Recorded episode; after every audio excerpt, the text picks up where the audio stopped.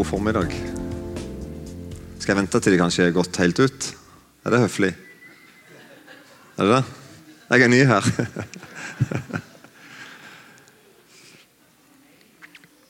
Jeg forstår det sånn at dere har gått gjennom Galaterbrevet kapittel 1 og 2. Og Nå har vi kommet til kapittel 3 og de fem første versene. Og Helt i begynnelsen av kapittel 3 så ligner det ganske på begynnelsen på kapittel 1. Så Vi skal ikke stoppe like mye for alle fem versene, men, eh, men vi kan lese det i lag. Sånn står det i Jesu navn i Galaterbrevet 3 og vers 1-5. Uforstandige galatere, hvem har forhekset dere? Dere som har fått Jesus Kristus malt for øynene som korsfestet. Bare dette vil jeg vite av dere. Var det ved lovgjerninger dere fikk ånden, eller var det ved å høre troen forkynt? Er dere så uforstandige? Dere begynte i ånd. Vil dere nå fullende i kjøtt? Så meget har dere opplevd forgjeves, om det da virkelig er forgjeves. Når Gud altså gir dere ånden og gjør kraftige gjerninger blant dere, gjør han det ved lovgjerninger eller ved at dere hører troen forkynt? Litt sånn Jo da, det, der, det er rett det der med Jesus som døde på korset, og det der. Men litt sånn er situasjonen. Og Paulus han utfordrer og spør altså i vers 2.: bare, bare dette vil jeg vite av dere, kolon. Var det ved lovgjerninger dere fikk ånden, eller var det ved å høre troen forkynt? Og Det er et forferdelig godt uttrykk som er oversatt i den Bibelen jeg bruker, 88-oversettelsen. Å høre troen forkynt. Det uttrykket liker jeg. Og Det skal vi stoppe litt for i dag, blant annet.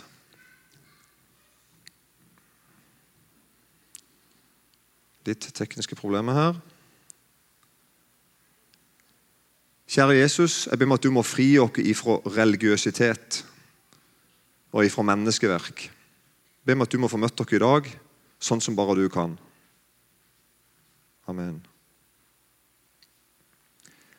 Jeg vil gjerne kommentere egentlig fire ting. Først og fremst, og det er Lovgjerninger. Hva er egentlig det? Det tror jeg dere har hatt en del om allerede. og det kommer mer om det også. Men jeg, si litt, jeg ønsker å si litt om det. Og så er det litt om det uttrykket 'høre troen forkynt' og òg om å holde blikket festet på Jesus, og så litt om kraftige gjerninger. Det vil jeg si noe om. Lovgjerninger Lovgjerninger er ikke gode gjerninger. For det fins gode gjerninger, en haug av de, og det fins hellige gjerninger. Og det fins åndens frukter, som er i høyeste grad er gjerninger og ting som skjer. Men lovgjerninger det er gjerninger som undergraver Guds hellighet og Guds nåde. hvis du ikke er med på Det Det å gjøre en lovgjerning det er undergraver både Guds bud og Guds nåde. Vi tenker ofte sånn at det, holde, det, holde, altså, det er synd når vi bryter et bud. Og det er det jo. ikke sant? Hvis jeg bryter et bud, f.eks. det 27, 20. budet om å ikke stjele det, det, budet sier jo du skal ikke stjele. Og Nå kan vi fort tenke det at Hvis jeg ikke stjeler, bokstavelig talt, jeg, jeg tar ikke veska di, jeg tar ikke iPhonen din, jeg tar ikke, stjeler ikke bilen din, eller hva det måtte være, da har jeg ikke stjålet. Men budet det er ikke å holde budet. Så her er bare sånn et eksempel. da. Så bra at ikke du stjal, men hvorfor stjal du ikke? Det er det Gud spør om. Var det bare fordi du var simpelthen elsker Gud og hans bud? Var det med så mye bare kjærlighet til Gud og hans bud at ikke du stjal? Eller var det andre motiver bak? Var du redd for straff? Var du redd for å bli tatt? Hadde du lyst på det, men lot være fordi du visste det var feil? Alle sånne motiv i Bibelen er lovgjerninger. Og det er like galt som å stjele. Jeg undergraver Guds bud og Guds hellighet og Guds nåde. Og tenker at jeg har holdt budet hvis jeg bare ytre sett ikke gjør noe som Bibelen forbyr, eller gjør noe Bibelen påbyr. Veldig alvorlig. Og Paulus spør egentlig her, Var det for, fordi du ikke var lydige mot Gud at du ikke fikk Den hellige ånd? Var det det du ikke trodde? Trodde du ikke at du ikke fortjente å få Den hellige ånd? Det spør han jo, men det kan vi spørre hverandre om. Altså, Bare dette vil jeg få vite av dere. Var det ved lovgjerninger dere fikk ånden, eller var det ved å høre troen forkynt? Er dere så uforstandige? Dere begynte i ånd, vil dere nå fullende i kjød? Det var den første tingen om lovgjerninger. Det er ikke nok at jeg ikke stjeler med hånda mi. Bibelen sier nei, nei, nei, du skal, du skal ikke stjele fordi du skal elske budene mine. Du skal elske nesten din som deg sjøl. Det er noe mye mer. Da kommer vi på det med troen forkynt. Guds ord gjør under. Du som ikke var lydig mot Gud, og som ikke er i stand til å være hellig engang. Gud gir deg tro. Og Det skjer, det skjer daglig over hele verden, og det skjer daglig i Norge. Guds ånd skaper en tillit til Jesus hos deg. Hjertet ditt vender seg imot han. Du begynner å elske han. Du begynner å være lydig mot han, og du begynner å tilbe han. Vet ikke om du opplevde det? Og da er det sånn at Troen er levende, og den gjør. Sånn at Det med lovgjerninger det er en ting, at det er mange ting vi ikke skal gjøre for å gjøre oss fortjent til noe. Eller det er mange ting som ikke er så bra om ikke vi gjør, for hvis vi bare er redd for straff.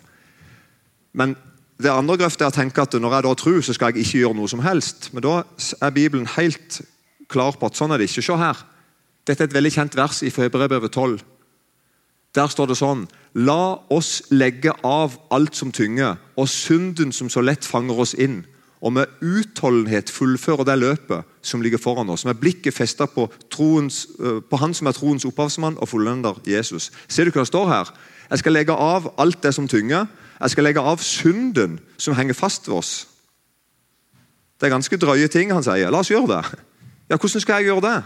Jo, med blikket festa på Han som er troens opphavsmann og fullender, Jesus. Og Derfor er det sånn at kristne, kristne ønsker å holde budene. Kristne ønsker å leve hellig. Kristne gjør mye. Da kommer gjerninger ut av livet deres med Gud. Og Dette her er ikke sånn åndelig snakk det her som hebreere snakker om. Det er ikke bare sånn, sånn åndelig frase. ja, så fint, vi skal legge av synden. og Så bra, se på Jesus og sånn. Nei, det er noe helt konkret som, som Bibelen sier at vi kristne skal. Hvis du fortjener Guds nåde, har du ikke funnet Guds nåde. Guds nåde er nettopp kjennetegnes med at han er ufortjent. Når du møter Gud som elsker deg, og, kjenner meg som at dette har jeg ikke fortjent, da har du antageligvis forstått det. Det er nettopp ufortjent Guds nåde. Du fortjente det ikke, men Gud elsker deg for det. Og Guds kjærlighet kommer til oss ofte når vi minst fortjener det. Det er da vi ser det tydeligst. Når vi stender der på en måte skulle jeg si med buksene nede, tatt på, tatt på, fersken, gjort noe galt. Så tenker vi nå kan vel ikke Gud ha med meg å gjøre. Så kommer Gud. Hvor mye tro hadde du før du så på Jesus? Eller òg å høre troen forkynt. Hvor mye tro hadde du før du hørte Jesus? Ofte tror jeg vi tenker sånn at jeg skal begynne å tro på Jesus når jeg tror på han. Jeg skal begynne å tro på Jesus, jeg skal begynne å stole på Jesus når jeg, når jeg har begynt å stole på han. Men det er ikke sånn det funker. er det vel? Det er sånn at før du så på Jesus, så hadde du ikke noe tro. Det var i det øyeblikket du begynte å se på Jesus, at du tror kom. Det ikke vel? Det var i det øyeblikket du begynte å høre Jesus, at du begynte å tro på han. Så Sånn er det at han er troens opphavsmann. Så når du er troløs, når du ikke har tro, så skal du se på Jesus for deg om. Og så får du tro. Når du, når du er troløs, skal du begynne å høre om Jesus. Og så kommer trua. Hvor lenge vil Jesus være min tros opphavsmann? Hvor lenge vil Jesus holde på å være opphavet til min tro? Alltid. Jesus er troens fullender.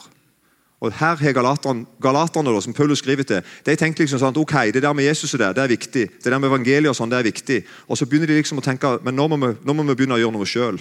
Nå må vi begynne å klare noe sjøl. Og så begynte, sier han, hva har ikke tenkt å gjøre? Ikke tenkt å fullende? Du ikke tenkt å fortsette i kjød? Nei, det er fortsatt det samme. Det er troen på Kristus. Han som er opphavsmannen til min tro, og han som fullender min tro. Det er egentlig bare Jesus det dreier seg om til sjuende og sist. Og så blir det sånn for oss kristne da, at jeg til stadighet må se han igjen og høre han igjen. Så blir han opphavsmannen og fullenderen. Han som er troens opphavsmann og fullender, Jesus.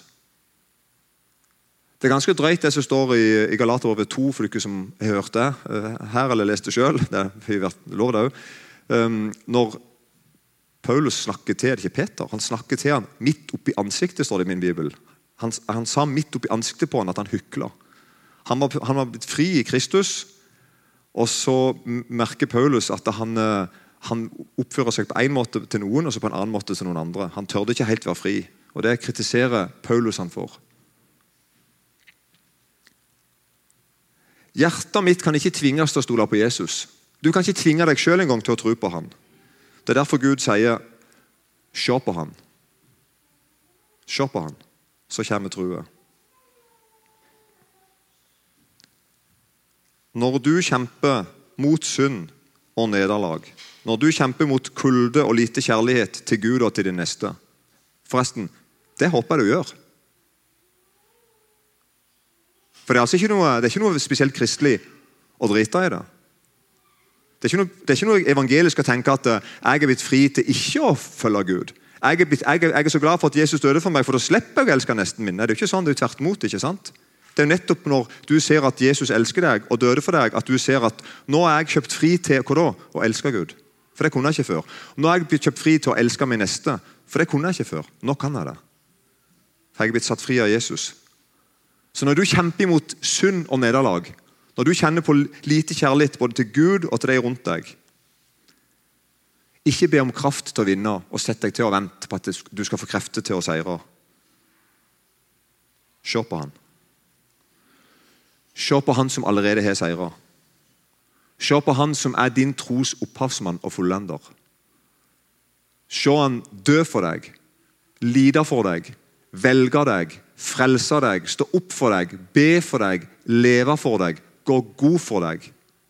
Rett foran Guds trone, sin fars trone. Det er seieren som vi har. Når jeg mangler noe, så ser jeg på Jesus eller jeg hører på Jesus, og så skjer det et under. Så forkynnelse gir deg tro. Alle, det kjennetegner alle mennesker. Som hører forkynnelse, så sier de at det var der tro egentlig kom. Det var der tilliten min til Jesus kom. Jeg hørte om han, jeg hørte forkynnelse om han, jeg las om han. Og Etter hvert kjenner jeg at hjertet mitt begynte å stole på han. Hjertet mitt begynte å høre på han. Hjertet mitt vendte meg imot han. Jeg ville ha med han å gjøre. Men det er òg et tro som forsvinner. Og det er tro på deg sjøl. Tro på lovgjerninger, tro på at du kan klare deg uten Gud. Eller andre religiøse forestillinger. Her er f.eks. Paulus. Her står det i Apostlenes gjerninger 9,19. Det står her at Han ble hos disiplene i Damaskus noen dager. og Straks forkynte han Jesus i synagogene han er Guds sønn. Alle som hørte det, ble ute av seg selv av undring. Men Saulus fikk stadig større kraft, og han brakte jødene som bodde i Damaskus, til taushet ved å bevise at Jesus er Messias. Så her ser vi at det var en gjeng med religiøse folk som ikke hadde sett hvem Jesus var. De mista troen på noe i møte med forkynnelsen. Og Sånn er det i dag òg. At det under òg skjer. at Når du tror noe som er feil, så, mist, så kommer Jesus inn og Den hellige ånd inn, og så tar han, tar han ifra meg det som måtte være feil. Derfor er det sånn at Bibelsk forkynnelse stopper munnen på den ugudelige. Vi blir svar skyldige. Og Dette er viktig. Dette er et av kjennetegnene på kristne. De kan fortelle om det. Jeg har møtt min overmann. Jeg er sikker på at du kan fortelle om at du gjør det rett som det er.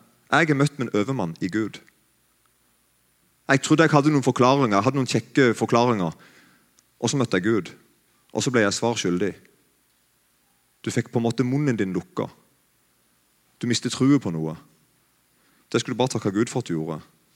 For det, Han rydder det vekk for at du skal sitte igjen med troen på Han. Så jeg har skrevet her at vi er dessverre da, ikke sannhetssøkende individer på leit etter sannheten. Det er mange, sånn, måte, mange, ganger tenker vi sånn at Hvis bare folk visste om Jesus, så liksom hadde det vært Nei, Vi ser tydelig at vi liker ikke sannheten. Vi, vil, vi lever ofte i løgn og i mørke og i gråsoner. Så Bibelen presenterer mennesker som egentlig noen som dessverre da, dumt for oss. At det er ikke sånn at jeg bare går og leter etter sannheten, og grunnen til at jeg ikke lever helt fint liv, er at jeg ikke visste bedre. Nei, dessverre, jeg vet bedre. Så jeg kan dessverre ikke skylde på det at det bare er det, det mangler, som mangler. At jeg ikke visste bedre. Derfor er det mange som, når de hører sannheten, ikke blir spesielt glade. De likte ikke det de hørte. Jesus sier det sånn. Se det verset her. Dette er, midt ifra en samtale Jesus holder med noen folk. I Johannes kapittel 8, vers 45 så sier han men fordi jeg sier sannheten tror dere meg ikke? Det kokte rundt Jesus. De var sinna på han som bare det. Bare les kapittelet sjøl. Og så sier Jesus at grunnen til at du ikke tror meg, det er at jeg snakker sant. Så gale er det. Så vanskelig er sannheten å svelge for meg og deg. Derfor er det sånn at I møte med Jesus er det noe hos meg som forsvinner, heldigvis. Tro på meg sjøl, masse religiøse fjasetanker og ting jeg holder på med, ting jeg stoler på, ting jeg setter min lit til. All slags ting. Jeg snakket med en eldre bedehusmann for noen år siden. Han er død nå. Og Det visste han at han skulle, for han hadde kreft. Og Så sa han med tårer i øynene jeg er så lei religion. Er det ikke meg? Så lei sånn mennesketanker om Gud. Jeg er så lei av at det ikke som det bare er Gud som kan komme inn og tenne fyr på oss og gi oss liv. Og Det skjer først og fremst i møte med Guds ord. At troen blir forkynt. Så skrelles det av en haug med tull en haug med menneskefrykt, en haug med rare tanker om Gud. En haug med rare måter å dyrke Gud på. En haug med regler og bud og væremåter. Så sitter vi igjen med det som er sant. Og Det bringer meg til den siste tingen. Jeg har ikke så forferdelig mye å si om den tingen, men jeg, men jeg har lyst til å legge det forferdelig innover dere. Jeg føler Dette er noe, dette er noe vi hopper over, iallfall i mitt liv. Da. Dette er noe jeg, jeg hørt, hører, hører ikke at vi snakker så mye om det, og jeg har ikke snakket mye om det sjøl heller. Men det har slått meg veldig de siste tre-fire årene særlig. Dette er altså fra teksten vi las innledningsvis i Galaterbrevet 3 og vers 5. Når Gud altså gir dere ånden og gjør kraftige gjerninger blant dere, gjør han det ved lovgjerninger, eller ved at dere hører troen forkynt? Er dere med på spørsmålet? Når Gud altså gir dere ånden og gjør kraftige gjerninger blant dere, gjør han det ved lovgjerninger, eller ved at dere hører troen forkynt. Her knyttes det et par ting i lag. For det første ser vi det at Troen kommer altså til meg forkynt. Det er ikke noe jeg gjør meg fortjent til. Troen kommer inn som et budskap utenfra og inn til meg, og, det gir meg ånden. Så hvorfor er jeg Den hellige ånd? Jo, er det på en måte han er kommet inn gjennom øra. kan du godt si. Den hellige ånd. Jeg har hørt noe, og hjertet mitt har fattet tillit til det. Og Jeg er blitt født på ny. Jeg har fått Den hellige ånd. Men så kommer det noe mer her. Det skjer noe da, når vi får Den hellige ånd. Det skjer kraftige gjerninger iblant dere. Og Da sier Paulus her altså det òg kommer av samme måten. Det er ikke sånn at kraftige gjerninger det gjør vi oss fortjent til. Det er ikke sånn liksom at ok, du skal få, få tro på meg av bare nåde, du er på en måte frelst av bare nåde, men når det gjelder kraftige gjerninger og livet videre, da, liksom, da må ikke gjøre dere fortjent til det. Nei, her gjør Paulus oppmerksom på at det er akkurat det samme da. Sånn som vi får ånden ufortjent av bare nåde gjennom et budskap fra Gud, sånn er det òg med resten av livet vårt. Kristenlivet vårt. Guds folk, kirken eller menigheten, har mange navn. Guds folk på jord kjennetegnes av Guds ord og kraftige gjerninger.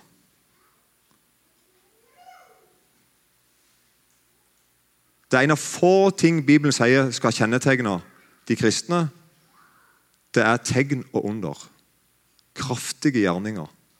Det kjennetegner, og vil alltid kjennetegne, kirka. Og De to tingene henger helt i sammen. Fordi jeg tror på Bibelen, fordi jeg hører troen forkynt, fordi jeg har fått Den hellige ånd ufortjent, og fordi jeg lever i det, så opplever kristne kraftige gjerninger tegnet og under følger den som tror. Og Jeg har et forferdelig alvorlig vers i Matteus 13. Det er det siste verset i Matteus 13. Og Det som er spesielt i Matteus 13, er at Jesus har for første gang da, fortalt en lignelse. Han har gått ganske lenge da, altså han har vært en offentlig predikant en stund. og Folk liker han og syns det er interessant å høre på. Det er ganske mange tusen som følger etter han. Og Så begynner Jesus, og så blir det en forandring hos Jesus. Forkynnelsen hans forandrer seg. Og Han begynner å tale lignelser. Første lignelsen er lignelsen om såmannen. Den leser vi i Matteus 13, vers 1. Og så I resten av kapittel 13 det bare raser på med lignelser. Det er jo en haug med lignelser. Bare tell de, det er mange. Noen korte og noen lange. Og Så slutter de siste versene med Det siste verset slutter sånn. Jeg skal bare finne sammenhengen det står i.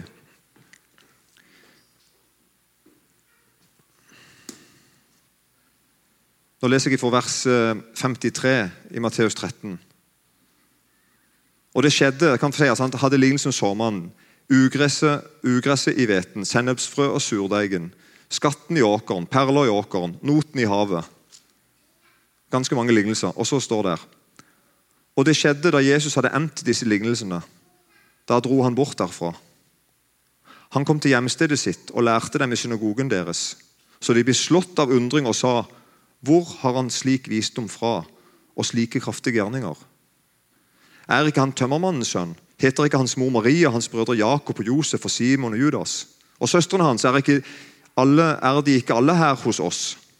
Hvor har han vel alt dette fra? Og de tok anstøt av ham. Men Jesus sa til dem, en profet blir ikke foraktet noe annet sted enn på sitt hjemsted og i sitt hus. Og han gjorde ikke mange kraftige gjerninger der av deres vantro. Helt tydelig. Mange hører Jesus' sin forkynnelse. De hørte troen forkynt, skulle jeg si, men de ville ikke tro. Og Det de gjør her, er jo helt tydelig hva de gjør. De setter Jesus i tvil om, om han er Gud. Og de sier er ikke han sønn til Josef. Altså han Underforstått ikke sønn til Gud. Ikke sant? Så gnider de inn. Vet ikke vi hvem han er? Så prøver de på en måte å ta ifra autoriteten til Jesus. De ville ikke tro. De hørte hva han sa, de så hva han gjorde. De ble svar skyldige. De hadde ingenting å si i forsvar når de møtte han, men det de valgte, var å gå vekk og ikke ville tro på han. Sånn er det en del òg i Norge som lever. Og Kanskje du som hører på en av dem. Da vil jeg si til deg du lever farlig. Det å vite noe om Gud som du egentlig ikke kan Som du vet inni deg Jeg vet det er sant. Jeg vet det er Gud, jeg vet han fins, jeg vet det er sant det han sier. Og du kjenner på en ord som rammer livet ditt. Du vet hvor det er. Det å da si 'jeg vil ikke tro', det er noe helt annet enn å si 'jeg får ikke til å tro'. Det står ikke her at Jesus ikke gjorde mange gjerninger der fordi de, de hadde så svak tro. Nei, nei, nei, det er en helt annen ting. Det kjenner vi alle på. ikke sant? At det, oh, det, jeg, jeg, er så svak i tru, og så, jeg, er så, jeg er så ja, veik og dårlig og hva det måtte være. Nei, vantro det er å si 'jeg veit det er rett, men jeg vil ikke tro det'. Jeg nekter. Da skjer det noe i åndens verden. Og Jeg vil påstå å gå så langt som å si det skjer noe i en bedehusforsamling eller i en menighet eller i et folk der det begynner å bli akseptert og ikke ville bøye seg for Guds ord. Du, du ser det står der. Du vet det er sant men du bøyer deg ikke. Og du får trøst at det er fire-fem til som heller Det er flere som ikke vil bøye seg. Det blir bli en hel gjeng etter hvert. Vi blir mange. Da skjer det noe i åndens verden. Det er ikke noe med ditt forhold til Gud, men det skjer noe med Guds forhold til den plassen. Her står det rett og slett at pga. vantruen så skjedde det ikke mange kraftige gjerninger der. Derfor, når jeg blir spurt av og til Det er jo et forferdelig ledende spørsmål. Det er en del som spør meg hvorfor skjer det så lite under blant dere. Jeg vet ikke om du er enig i det spørsmålet. Noen vil si at nei, nei, det er jeg ikke enig i. Ikke sant? Jeg synes det skjer mye, mange under, så det er jo en, et veldig ledende spørsmål. da. Men mange spør sånn, og, tenker altså. Mange tenker at jeg tror at jeg lever i en forsamling, jeg lever i et miljø, en gjeng, der vi egentlig ikke ser at Gud griper inn i det hele tatt. Og Så spør de om hvorfor skjer det. Og da har Jeg etter hvert, jeg har sagt litt der, jeg har spurt dem om det. Jeg tror ikke, er ikke det lov det, å gjøre det? Veit du om ting i Bibelen som du ikke vil tro? Veit du om ting i gudslivet ditt du vil, der du ikke vil gi Gud rett? Når Gud kommer til deg og troen, han vil forkynne deg troen og gi deg tillit til sitt ord og gi deg tillit til Han, bøyer du deg da, eller sier du nei, jeg vil ikke? Jeg er redd at det er en ting her hos oss.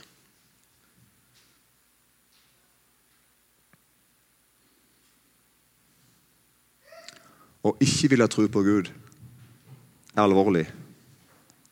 Å ikke ville tro på Gud er alvorlig.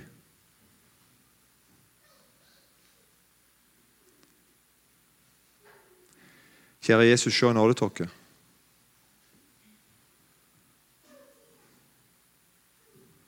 Du ser hvor stolte vi kan være når du kommer og ødelegger religiøse forestillinger våre. Ødelegger vår måte å gjøre det på. Ødelegger sånn som alltid har gjort det. Så kommer du, og så snur du det opp ned. Så blir det så vanskelig. Så blir jeg så liten, og så blir du så stor. og så... Noen ganger kommer du og så, og så setter du fingeren på ting i livet mitt som jeg ikke vil du skal se. For jeg har lyst til å fortsette med det. Jeg vil ikke. Takk, Jesus, at du kommer enda en gang og enda en gang og enda en gang og forkynner hvem du er.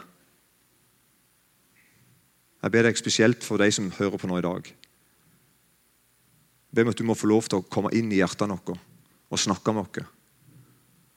At du blir malt foran øynene våre som korsfesta, som død og oppstått for våre synder. Som en som er seier over alt det som øyelegger for oss. Jeg ber deg, Jesus, ikke la jeg sitte og holde igjen på noe av det. Ikke la meg sitte igjen og dyrke noe av det du døde for.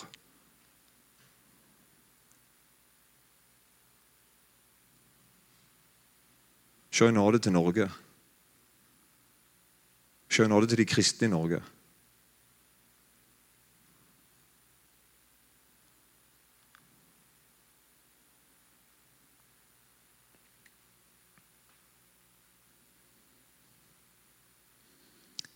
Så oppfordringen til Paulus egentlig er Hør troen forkynt. Ta imot Ånden. La Han prege deg, og pass deg for religiøsitet. Amen.